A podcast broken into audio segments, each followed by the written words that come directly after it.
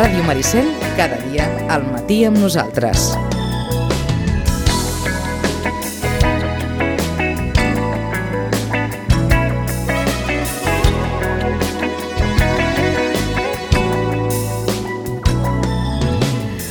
Gairebé dos quarts d'onze del matí anem a parlar ara d'una entitat que fa molts anys ja, des del 2005 que funciona, que actua aquí a, a Sitges i a la comarca i a territoris, diguem, del voltant. És l'entitat tutelar del Garraf que ha canviat la denominació i passa, passa a dir-se ara la Fundació tu i no. És per un tema de, de raons, diguem, administratives jurídiques, però aprofitant aquesta excusa d'aquest canvi de nomenclatura i, per tant, d'alguna manera adaptació de la imatge, doncs volem avui mirar de parlar d'aquesta entitat, d'aquesta eh, institució que fa una feina molt important i probablement amb el moment actual en el que vivim i tal com diuen les dades, cada vegada més important. De seguida parlem de la Fundació Tu i Nos.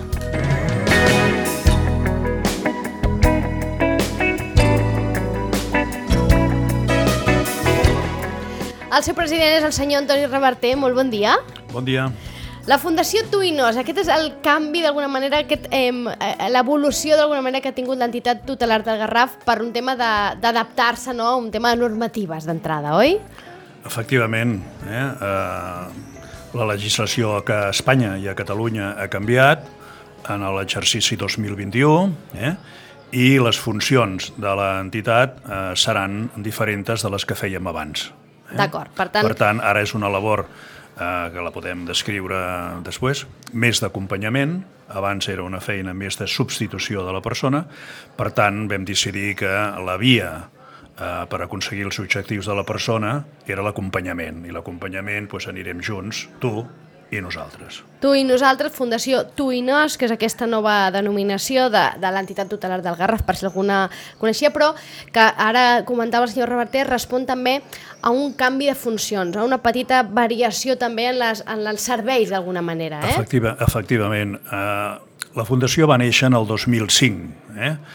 Feia temps que observàvem a la comarca pues, una, una carència, no? i hi havia moltes persones que eh, tenien dificultats per, per autogovernar-se no? i per aconseguir els objectius eh, de la seva vida, no? de poder viure amb qualitat. No? Però observàvem, observàvem i no, i no hi entràvem perquè era un tema molt judicialitzat. Eh? En el 2006 es va aprovar la Convenció de Nova York eh, sobre els drets de les persones amb tota mena de discapacitat. No? I la lectura d'aquesta convenció, sobretot el que feia referència a l'article 12, que les persones tenien capacitat jurídica i capacitat de decidir, i que no podien ser ja incapacitades, uh -huh. ens va animar a crear la Fundació Tutelar. Amb la il·lusió, amb l'expectativa de que Espanya mm, ratificava el conveni i que aniria ràpid eh, a la seva aplicació. bueno, malauradament, no ha, estat així. no ha sigut així. I fins al 2021 eh, no es defineix que Espanya i, i Catalunya també, eh, a la llei 19-2021, Catalunya diu que ja no es poden incapacitar les persones, eh, que desapareix el concepte tutelar, que és un concepte de substitució, sí. jo et substitueixo i decideixo per tu, uh -huh. no? que s'elimina, i és un concepte molt important per a les famílies, la pàtria potestat, eh, quan un noi o noia arriba als 18 anys, el pare ja no pot sí. eh, tenir la pàtria potestat. Eh? Uh -huh. I eh, llavors era un... Catalunya defineix que el procediment que seguirem serà el de l'assistència, una figura jurídica prevista en el Codi Civil català de fa molt de temps. Per tant, aquesta labor d'assistència bueno, eh, és una labor d'acompanyament, de suport, gradual en uh -huh. funció de l'estat de la persona eh? i això fa més interessant eh, la tasca de la Fundació. Eh? és molt més creativa, eh, molt més eh, positiva. No? Entenc que, que, que el senyor Reverter eh, eh, considera que és una evolució eh, positiva, natural i, i d'alguna manera que s'ajusta més a la realitat aquesta, de, aquesta funció de l'acompanyament que no tant de la tutela? Bé, aquí hi ha un tema gramatical. Eh? Depèn de la situació cognitiva de la persona. Pot haver-hi persones, un percentatge de la població, que els jutges revisaran la seva situació anterior i veuran que aquella persona doncs, bueno, necessita un grau de suport molt alt. Per tant, hi haurà una assistència que se'n dirà representativa, o sigui, tindrem bueno, més capacitat de dir-li, home, per aquí no anem, que no anem bé, no? Però amb un percentatge, penso jo, interessant de la població, eh, aquesta labor d'acompanyament és molt més eficient, molt més bonica, molt més adaptada als drets de les persones, de poder decidir, o sigui, explica'm què vols, explica'm mm, què vols fer, eh, quins objectius tens a la teva vida, analitzem junts la teva situació, veiem a l'entorn i tot allò que es pot oposar a que tu aconsegueixis això, fem un pla i caminem junts. No? Uh -huh. És molt més creatiu sobretot en persones joves. I entenc que abarca també un gruix més gran de persones, no? És a dir, perquè l'altre concepte potser, no sé, d'alguna manera hi, hauria, hi havia gent que potser no se sentia d'alguna manera identificada o possiblement representada, no? Amb un concepte més de, de, de tutela, no? I en canvi en, el, en aquest concepte de l'assistència, l'acompanyament, probablement altres persones, o hi ha moltes persones que sí que puguin sentir-se doncs, identificades o que puguin sentir que els hi pugui representar, no? Aquesta... És, és així, no? El tema de la incapacitació era una barrera mm, molt gran, no? i s'utilitzava malament mm. en discussions familiars, amb interessos econòmics, etc etc. no? Per tant, home, per aconseguir els beneficis que molts s'imaginaven que et donaria l'entitat tutelar, et aconseguirien un pis, et aconseguirien una residència i tal, era desproporcionat. Eh?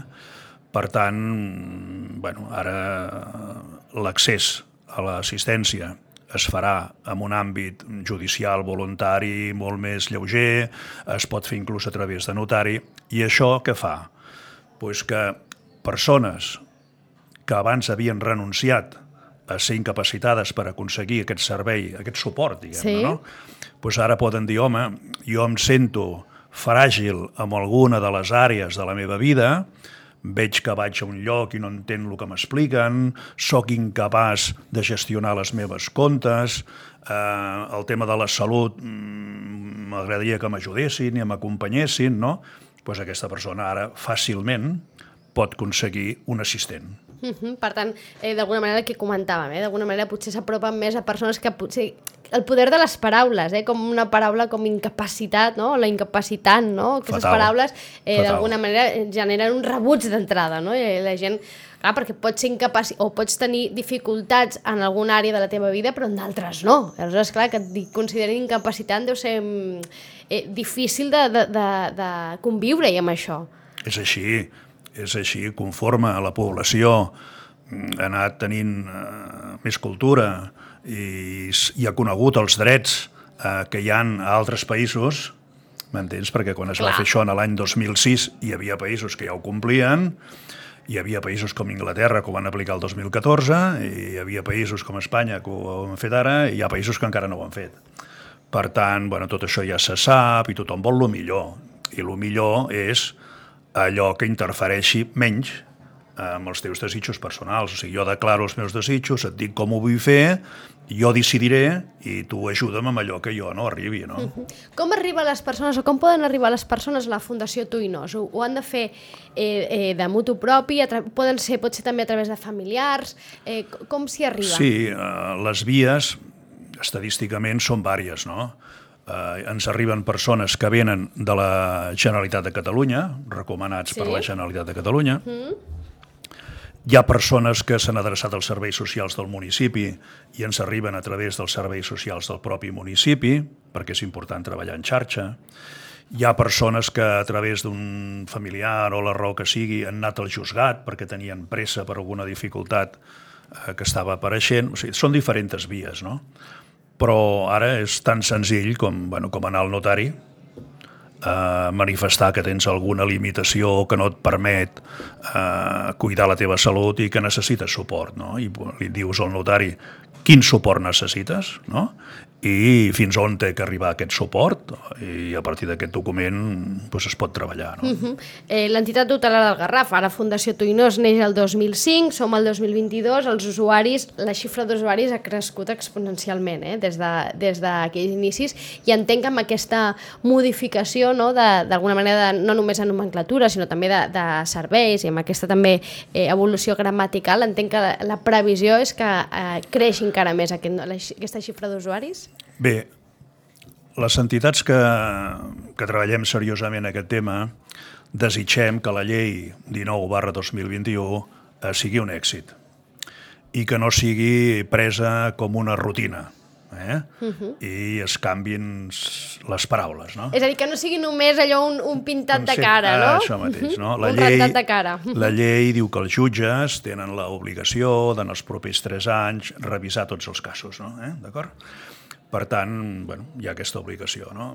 Un percentatge serà gramatical, perquè vull dir, si era tutelat, doncs ara serà una assistència uh -huh. d'un nivell molt alt, però hi ha molts casos que podrien aixecar-los eh? d'entrada la incapacitació a tothom, no? i rebaixar molt la gradació d'aquesta assistència a un nivell petit. No? I creiem, eh, sincerament. Això, això fa que s'eixampla la, la població uh -huh. que pot estar interessada, no? perquè persones grans que comencen a descobrir una fragilitat que tenen, la que sigui, uh, que estan sols. A tots nivells, senyor Reverter, eh? és a dir, aquesta fragilitat pot ser a nivell econòmic, pot ser a nivell sí, sí. Eh, de salut, a sí, nivell sí. Eh, familiar, a sí, tots sí. nivells. La, la, la qualitat de vida, eh, la qualitat de vida està composada de vuit àrees, no? Eh? El benestar econòmic, el benestar emocional, la inclusió social, el que respectin els teus drets, en fi, eh? aquestes vuit àrees. No? Bueno, només que te'n falli alguna, la teva qualitat de vida es descompensa uh -huh. per comparació amb una altra persona que, que sigui del teu grup. No? Per tant, bé, qualsevol persona jove, eh? eh, gran, que detecta, eh, que és conscient que té una fragilitat i una solitud, mm, pot requerir aquest servei. Persones i famílies amb gent amb malaltia mental, uh -huh. eh, de nivells petits i que volen fer una vida independent, o persones amb unes dificultats molt grans que la família té dificultats per, per gestionar-les. Uh -huh. no? eh, bueno, temes d'addiccions, que fan molt difícil la sí, convivència eh? familiar, no? eh, bueno, tota una bateria ens, ens adrecem a tota la població que, que, que final, pugui exacte, detectar una fragilitat a la capacitat d'aconseguir la qualitat de vida. Que no? ara la pregunta és si hi ha algú que no tingui cap fragilitat, eh? Seria una pregunta... Perquè, clar, al llarg de la nostra vida, no? Tots podem tenir eh, moments amb molta Algun fragilitat, moment, sí. no? Algun moment, sí. Sobretot si hi ha un aïllament, si, clar, si, te, si passes per un moment, per un mal moment, i jo que sé, tens una depressió i tens un entorn familiar eh, adequat, aquí no passa res. Estem parlant de persones que es preveu eh, una durada, eh, una, una necessitat de suport a llarga durada. A llarg termini, no? Estem parlant d'oferir suports a la població. No? Una persona necessita un bastó, una persona necessita una cadira de rodes, una persona necessita que la vagin a dutxar i una persona pot necessitar aquest suport que parlem. Eh? Són suports, no? I llavors, el que dèiem, nosaltres estem disposats a fer aquesta nova etapa d'acompanyament de la millor manera, amb, amb il·lusió, hem adaptat tots els processos informàtics i de qualitat de la institució per poder-ho fer,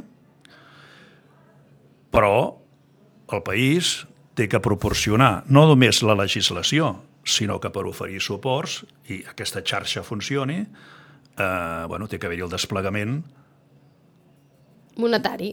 Suport econòmic per poder-ho fer. No, no subvencions, I, no, pagar, pagar, pagar, el servei pagar el servei, sí, sí, efectivament. No? Eh, eh. Sí, sí, i que a més a més entenc que, que, que ha de ser un treball d'ara, però pensant en un futur i en un futur no molt llunyà, perquè aquest suport del que ara parlava, aquest bastó, no? que tots podem necessitar en algun moment de la vida, amb aquesta esperança de vida que cada vegada és més, és més elevada no? i cada vegada eh, vivim més anys, és molt probable que cada vegada més gent eh, arribi en un moment vital de la seva vida en què necessiti, no? De, de... Sí, aquí eh, el que tu dius mm, penso que ho sap tothom, no?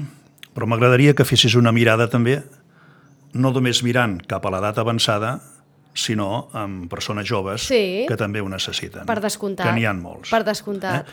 Eh? O sigui, la persona gran ho donem per descomptat i va sortir fa molt de temps una llei de dependència Mhm. incompleta, que es retrassa, que mora molta gent sense que li donguin, tot això ja ho sabem. Eh? Hi ha una petita millora, i unes hores, i un centre de dia, no? Però hi ha molta gent jove molta gent jove, jove, hi ha 40 i pico d'anys i tal, que els seus pares comencen a ser grans, que es plantegen i que tenen dret a una vida independent i que per aconseguir aquesta vida independent, el seu projecte de vida, necessiten suports. Eh? Per tant, bueno, aquesta és una assignatura pendent i aquests no poden funcionar amb 3 hores de la llei de dependència. Necessiten una valoració personal i necessiten un pressupost personal per assumir aquella via, aquella qualitat de vida que necessiten.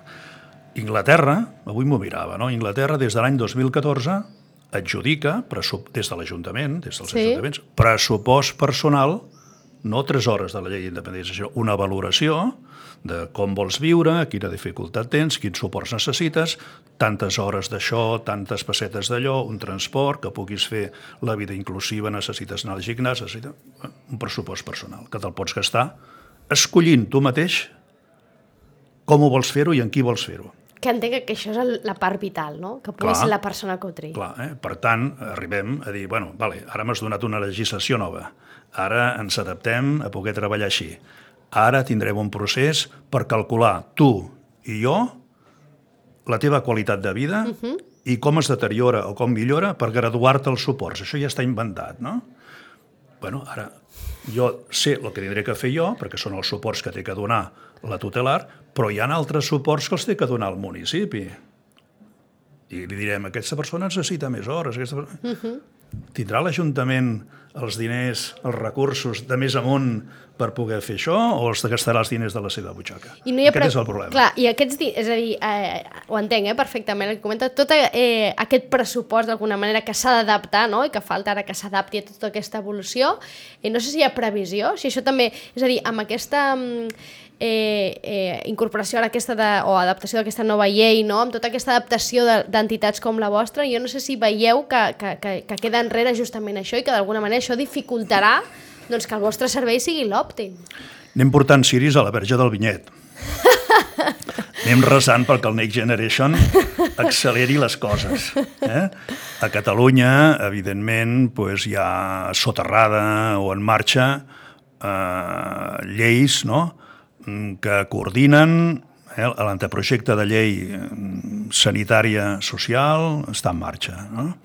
Eh, S'està estudiant eh, el servei d'atenció personal, servei d'atenció personal, que no és el mateix que la dependència. No? Uh -huh. Aquest servei d'atenció personal arribarà a ser aquest pressupost que et dic jo, com fan països europeus, o arribarà una bestreta de 300 euros i... Perquè, clar, és a dir, eh, com, com de lluny estem d'aquest pressupost pues no ideal? sabem. La- La veritat és que no ho sabem. Nosaltres, eh, parlant de Next Generation, per exemple, no? Sí. eh, i parlant d'una altra institució, que és Ave Maria, eh, presenta un projecte eh, que fa el seguiment de la qualitat de vida, que pot determinar la intensitat dels suports, que pot determinar amb un mapa comarcal eh, l'existència de les entitats que presten aquests suports, que pot determinar el preu d'aquests suports i que, per tant, en funció d'aquesta intensitat, sabem el preu que necessitaries per... Eh? O sigui, uh -huh. tot això mm, està inventat. Aquí el que falta és que s'accepti que aquest dipòsit, de, omplir el dipòsit de gasolina eh, val tant, no? Vull dir, per tant, home, no ho sé, els legisladors quin camí eh, voldran per Catalunya. Però eh, el que és evident i el que ens tocarà viure és el treball amb xarxa. Tenim que treballar amb xarxa. El que faci la entitat Tuinós és menys feina que tindrà el municipi. Eh, allò que faci bé eh, el municipi i, la, i Tuinós amb un pla d'acció individual anirà a favor de la qualitat de vida i de menys despeses eh, de tothom, no? Per tant, bueno, jo penso que els serveis de quilòmetre zero, la proximitat, aquest pressupost fet en un lloc més pròxim eh, a la persona, eh, coneixedora de veritat de la persona, uh -huh. parlant amb la persona, que aquesta persona pugui arribar i pugui dir necessito més i l'intèrprete que tingui en el municipi eh, sàpiga que això és veritat, doncs, bueno, és el camí. Tot l'altre uh -huh. és, és falsificar una mica eh, la realitat. Clar, no? i entenc que a més amb aquest tipus de serveis tota, és a dir, justament aquesta proximitat no, és fonamental entenent que eh, tota aquesta feina de demanar eh, suports no? i de demanar eh, ajuts per una cosa i per l'altra té normalment o va acompanyada moltes vegades d'una feina administrativa que acostuma a ser molt feixuga no? i molt freda i que, i que entenc que això és justament una part que fa que, que aquest procés no? sigui molt difícil per, pels usuaris. No? És a dir, encara que vagin, per descomptat que aquí hi ha la feina no, de la Fundació Tuinós, no? que els acompanyeu, però que hi ha tota aquesta part administrativa de demanar que, que és realment molt, molt, molt feixuga. Tu ho has dit. Clar, tu ho has dit. N'era pregunta sí, ja, no? Una, tu ho has dit. O sigui, una persona que té una necessitat urgent no pot S'hauria esperar, de resoldre urgentment. No pot esperar una valoració que li vingui de, de lluny i una llista d'espera de 8 mesos. No? Si té un problema, el té. El problema ja i es té que resoldre ja. Per tant, bueno, es té que intentar acostar el servei, es té que intentar eh, conèixer eh, aquest usuari perquè eh, coneixent-lo l'avaluació d'allò que t'està demanant és molt més fàcil. Eh, senzillament, aquí el que se necessita doncs, bueno, és un reglament per saber si aquella persona té dret a accedir en allò, si, eh, si té, jo que sé, un nivell de vida... El dret el té tothom, però si té un nivell de vida molt gran, si hi ha un copagament... Quatre regles bàsiques i eh, els preus que es poden donar per cada servei i el finançament d'això si l'Ajuntament ho dona, no? Vull dir, però la via tindria que estar aproximadament amb això que et dic, no? I una resolució ràpida que jo no sé si hi ha eh, és a dir, com, també, com, com de tard anem en la resolució d'aquests... Eh, molt tard. Molt tard. Molt tard. O sigui, hi, ha, hi ha estadístiques publicades per la pròpia Generalitat, eh? Um, bueno, que és penós, és penós veure-les, no? És penós veure-les, la pots veure, està publicada en el Pla Estratègic 2020-2024 i fa pena, fa pena veure-ho. Per tant, bueno, si ells ja són conscients d'això, m'imagino que faran tots els esforços per poder-ho per poder resoldre, eh? m'imagino. Però vull dir, anem en bon camí, el que no sé dir-te eh? és uh, la velocitat no? i les capacitats que té Catalunya en aquest moment. La gran oportunitat, uh, Next Generation, els diners que arriben d'Europa, que en el component 22 hi han sis línies d'actuació, doncs, bueno, hi ha unes línies que apoyen tot això que estem parlant tu i jo. Uh -huh. Per tant, veurem que no sé, no, no s'haurà de tardar gaire en resoldre uh, aquesta situació. Clar, hi ha tantes àrees ara que depenen del Next Generation que són una mica com la carta al Reis Max, això dels Next Generation. Està tothom esperant aquests fons europeus que, però estaria bé, òbviament, que ajudessin a, a, a projectes que al final entenc que eh, van destinats a millorar la qualitat de la vida de, de les persones, que hauria de ser, entenc, l'objectiu final de, de qualsevol, no? que, que, que la qualitat Clar. de la vida de les persones sigui el millor possible. Què volem? Què volem? No? O sigui, jo penso que tots els objectius que es pugui plantejar a qualsevol municipi, turístics, eh, de tecnologia, de lo que sigui, bueno, tenen que, al final és com un embut, no? tenen que redundar en benefici dels ciutadans, els que treballen en aquest sector, els que viuen a la ciutat, no? i això té que redundar en una qualitat de vida. I aquesta qualitat de vida, que sempre volem la millor, eh? que sempre volem millorar-la, però que no la valorem mai. O sigui, jo penso que es necessiten instruments per saber quina qualitat de vida hi ha a Sant Pere de Ribes, a Sitges o a Vallfogona, i poder comparar. I és una bona publicitat, tinc més qualitat de vida que tal. Uh, I segona, mm, si això decau, voldria dir que millor falta un servei. I podríem analitzar per què uh, hi ha una estadística d'una malaltia determinada en una població i en una altra no. no? Eh? Per tant, bueno, eh, són conceptes que hi ha que integrar-los i, i hi ha que mesurar-los. No entenem que es parli de la qualitat de vida i sigui un concepte etèreo que la gent no el valori. No? Que, que, I es pot quantificar i medir, eh? que al final la importància aquí de medir totes les dades, no? que al final són les que et donen, eh, eh, els que donen valor a les coses. No? Quan les coses són medibles és com que és més fàcil d'interpretar aquests valors. No? Sí, són medibles, hi ha, concep hi ha treballs importantíssims que defineixen les escales, per la pròpia Generalitat de Catalunya l'any 2006 eh, va assumir una escala de qualitat de vida que era d'INICO, de la Universitat de Salamanca, i que a la vegada venia dels Estats Units. No? Per tant, Catalunya té una escala de l'any 2006. I no ens centrem en aquesta escala sol. Nosaltres el que diem, escolteu, mmm, aquesta escala o la que vulgueu. El sistema que nosaltres hem creat mmm, pot valorar la qualitat de vida amb el que vulgueu. Digueu-me quina escala voleu posar, no? Però la tenim que mesurar. Uh -huh. És eh, vital d'alguna manera per poder-la per poder assolir-la. Quants usuaris té en aquests moments la Fundació Tuinos? En aquest moment estem a la línia dels 200 i, com tu dius, bueno, penso que aquest any eh, pujaran bastants perquè a la comarca, eh, estem empenyats la comarca amb un projecte que és la comarca cuidadora, sí. eh, cada qual farà el que pugui, i Tuinós eh, farà una, una acció de formació eh, als tècnics municipals i de localització de persones que en el seu dia van claudicar. Eh? Llavors intentarem repescar... Van claudicar vol dir persones que van, van, van passar per aquest procés tan feixuc i van dir és igual, ho aparto i m'adapto a viure amb, amb pitjor qualitat de vida. No vull ser incapacitat per aconseguir aquestes millores que puc aconseguir. Per tant, eh, intentaríem eh, localitzar de nou aquestes persones que van claudicar, o també, com que han passat tants anys, doncs, totes aquelles persones que han passat pels serveis socials i han pogut percebre que tenen una fragilitat que els faria adients a aquest servei. No? Per tant, mm -hmm. tornarem a oferir això eh, a tots els municipis de la comarca. Teniu dades de quantes persones han claudicat? Eh, en tenim dades parcials, no són, uh -huh. no són diríem, exactes, perquè no totes han passat pel nostre servei, no? Eh?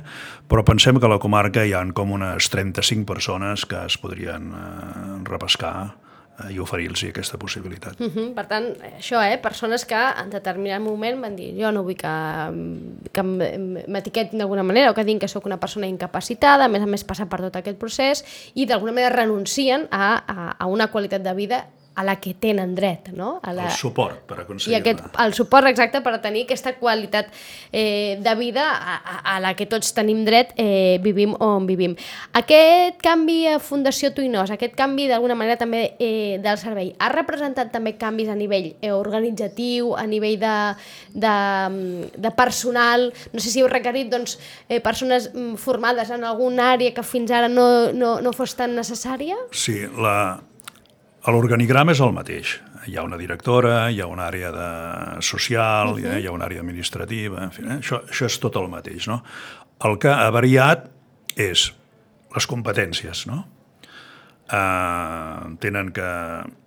De vegades el treball és molt difícil i una persona pot anar ràpid, no? i vinga, va, solucionat, no? Ja l'he substituït, ja he pres la decisió jo. Ja no serà així. Eh? O sigui, la, la foto del que vol la persona, el seu programa de individualitzat de suports per aconseguir eh, la vida que desitja, està acceptada per ell i caminarem en aquella via i l'anirem revisant. No? Per tant, de la substitució a l'acompanyament. Per tant, hem tingut que desenvolupar unes habilitats noves, aquestes habilitats noves mm, passen també per al diàleg que farem amb aquesta persona. Hi ha, uh -huh. hi ha persones que són difícils. De, eh? Sí, hi, ha, sí. hi ha tot una, tot una L'atenció al personal eh? sempre és la part més feixuga en qualsevol eh? feina. Eh? Hi ha persones que poden tenir dificultats uh -huh. per expressar la seva voluntat, també, no? Eh? Per tant, eh, hem tingut que definir com farem aquest diàleg, no? quina part del diàleg és el diàleg normal, anar a prendre un cafè i acompanyar-lo a comprar un jersei i tot això, i quina part del diàleg mmm, planificada ens portarà a anar avaluant en cada visita, no? l'avaluació constant de si anem bé pel pla d'acció o no. no? Per tant, bueno, això ja ho tenim clar. El segon aspecte és adaptar tot el procés informàtic de la casa a aquesta nova manera de fer, hem lligat eh, tots els terminis que tenim que fer uh -huh. i presentar, i documentar, i signar i tot això a la nova situació. Per tant, hem creat un sistema informàtic nou que condueix a les persones eh, professionals i que els avisa, cuidado que s'està acabant aquest termini, uh -huh. cuidado que tens que revisar el pla d'acció perquè fa sis mesos que no l'has tocat, cuidado que va morir una persona i tens que presentar l'estat de comptes al jutge, etc etc. No? Per tant, hem millorat molt la informàtica, per poder mm, descarregar la feina i poder carregar més feina a el que dona el valor afegit, que és estar en contacte amb uh -huh. aquestes persones, més contacte com més ho necessitin. No és el mateix un, un avi que està en una residència doncs, ben cuidat, que és un control de qualitat, que una persona, doncs, jo que sé, que va pel carrer i, i està sol. No? Per descomptat, per tant, la tecnologia d'alguna manera el que ha d'ajudar és a centrar-se més o millorar aquesta atenció, diguem, eh, de personal. Eh? Descarregar treball administratiu en funció de poder avaluar, prevenir i estar més hores amb la persona que acompanyem. Uh -huh. no?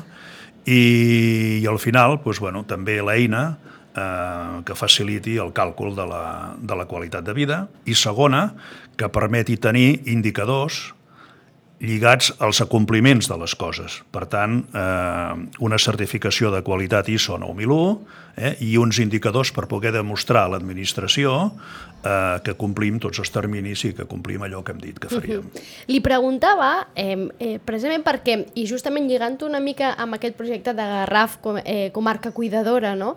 perquè també em sembla un aspecte interessant, i ara que, que hi ha aquest canvi també eh, d'alguna manera eh, de llei, el que s'ha hagut d'adaptar, i veient que les previsions de creixement dels usuaris de la Fundació Tui no seran altes, sinó perquè és una àrea que eh, a nivell laboral no, i d'ocupació no, i d'oferir feina també i de formar-se en la feina és una àrea molt interessant en la que queda clar que hi ha, hi ha un futur eh, molt important i que hi ha molta gent doncs, que mm, si té dubtes o no, joves que potser estan preparant, doncs és una àrea molt interessant per formar-se, per descobrir, perquè eh, eh, la, la previsió és que hi hagi feina a, a llarg termini no? i per tant, i que entenc que també a fundacions com aquestes els interessa que els hi arribi gent formada no? en totes aquestes habilitats i capacitats?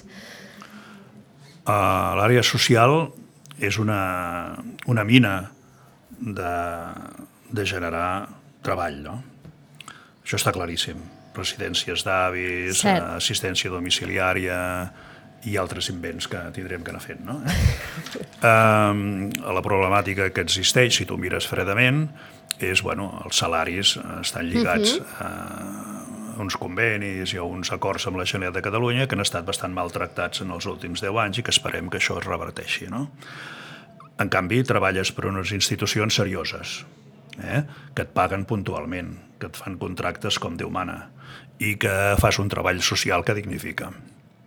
Per tant, és una àrea mm, molt interessant i que penso eh, que tindrà un futur i un reconeixement més important que l'actual. Per tant, bueno, jo penso que aquelles persones que no saben a què dedicar-se i són persones que tenen una visió social de la vida, doncs és una àrea extraordinària per ficar-s'hi. Uh -huh. I, i, i, I en futur queda pendent, òbviament, ara que hi hagi, que hi hagi aquest equilibri, no? que hi hagi aquest reconeixement, que a més a més amb la pandèmia vam veure tots, no? és a dir, la importància de, de tota aquesta àrea social i aquestes feines socials que moltes vegades estan ben reconegudes per les entitats serioses que els hi fan contractes, com bé deies, com correctes, no? com, com Déu mana, però eh, els convenis diguem que venen marcats des de dalt són eh, molt limitats i això també dificulta, entenc, mm, a l'hora d'anar a buscar treballadors, no? que això també posa moltes dificultats, que després eh, arriben moments en què necessites d'un personal qualificat en una àrea determinada i costa molt trobar-lo perquè no? hi ha una normativa, hi ha un límit eh, que, que impedeix que, que sigui doncs, una opció atractiva per, per molta gent que, que s'hi voldria dedicar. Aquest és una mica el present, eh, entenc que el futur proper segur que hi ha eh, novetats, ens encantarà, senyor Reverter, que mm, ens vinguin a explicar-nos-les, totes les novetats que puguin eh, desprendre's d'aquesta Fundació Tuinós i de tot el que eh, eh, porta eh, aquesta entitat, que recordem, eh, això ve de l'entitat tutelar del Garraf que va néixer el 2005 i que eh, el 2022 doncs, ha fet aquest pas cap a la Fundació eh, Tuinós, adaptant-se doncs, a aquesta eh, nova normativa i que d'alguna manera el que mm, eh, proposa o el que eh, posa sobre la taula és aquesta necessitat més d'acompanyar i, uh, i fer una part assistencial. Tuinos Academy. Hi ha també una acadèmia, Tuinos? Ai, ai, ai. Bé, escolta'm, bona, bona pregunta. Uh, en aquestes possibilitats de creixement i d'oferir serveis, la nostra mirada s'eixampla. Tenim moltes uh -huh. persones d'aquestes 200 uh, que són joves, que volen viure una vida independent. No? I a més en l'entorn molt de moviment al voltant d'aconseguir la vida independent de persones joves. No? Eh? Uh, per tenir una vida independent mm, i disfrutar-la, a part de rebre suports adients, que no dependrà de nosaltres, sí que es necessita una formació. Eh? O sigui, saber fer anar una rentadora, uh -huh. eh? saber fer entre dos una truita de patates si convé, eh? eh saber controlar una compte corrent, saber reparar, jo que sé, una petita avaria domèstica, és a dir, uh -huh. coses molt normals de la vida. Canviar una bombeta, aquestes coses, sí, no? coses normals de la vida. Sí, eh? sí. Eh? Què faig si m'arriba una carta de la companyia del gas? No? Exacte, eh? coses que pues, ens han passat a tots i hem dit, i ara què fem? No? Bueno, doncs això ho volem resoldre a partir del mes d'octubre uh -huh. a Tuinos Academy, amb un local que obrim a Vilanova i la Geltrú, uh -huh. eh? per començar aquest, aquest servei per persones, per famílies i per institucions. Eh? Comencem a Vilanova, perquè tenim un espai, estem buscant espai a Vilafranca, i a Sitges doncs, bueno, estem pendents de, d'aconseguir més espai, perquè estem comprimits i anem una mica lligats en aquesta sessió de terreny que es farà a l'Ave Maria i una construcció, i si en l'any 2005 i no sé què, doncs allà tindríem 350 metres. Aquest espai avui, a la plana, oi? Avui no podem tenir eh, Tuinos Academy a Sitges pel moment. Però bueno, pensem, ens fa molta il·lusió aquest tema, eh? i també generarà un lloc de treball. Avui en dia tenim 13 empleats ja, eh? vull dir, vam començar amb un voluntari el 2005, eh? pues, bueno, tenim 13 empleats i, bueno, i anem caminant cap, a, cap als 15. No? Uh -huh. Per tant, present i futur, aquest Duinos Academy veurem si finalment pot tenir eh, ubicació aquí a Sitges, que entenc que seria molt interessant i que ajudarà doncs, a, a, a, a, al dia a dia, no? aquests problemets del dia a dia, eh, de, de, de qualsevol que ho necessiti, doncs ajudar-los a sortir-se'n sols no? i a que tinguin els recursos per poder-ho fer. Antoni Reverter, president de mm, la Fundació Tuinós, moltíssimes gràcies per la visita. Gràcies a vosaltres. Gràcies.